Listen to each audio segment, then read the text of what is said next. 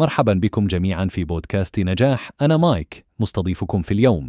اليوم سنتعمق في بعض من حكايات حكمة شرشل.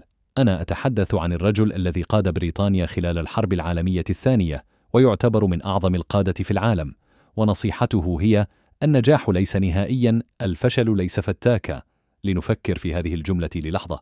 النجاح ليس نهائيا.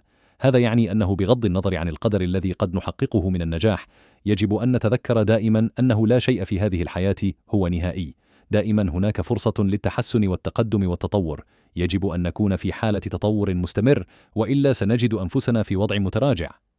على الجانب الآخر من الميدالية يقول شرشل الفشل ليس فتاكا. في كثير من الأحيان يمكن أن يكون الفشل مرعبا ويمكن أن يجعلنا نشعر باليأس. ولكن ها هم موضع نظر شرشل الفشل هو خطوة نحو النجاح.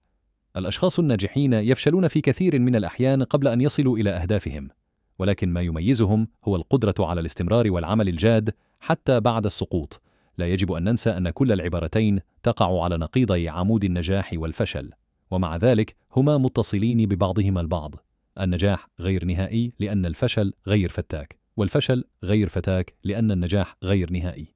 هذه هي الرسالة العميقة التي يتركها لنا شرشل. أتمنى أن يكون هذا البودكاست مفيدا لكم جميعا وأن يمكنكم تحقيق أهدافكم مهما كانت التحديات. تذكروا دائما النجاح ليس نهائيا الفشل ليس فتاكا. أنا مايك وقد أنشأت هذا البودكاست مجانا باستخدام أدوات الذكاء الصناعي. تعلم كيف فعلت ذلك على mrc.fm/x ألقاكم غدا.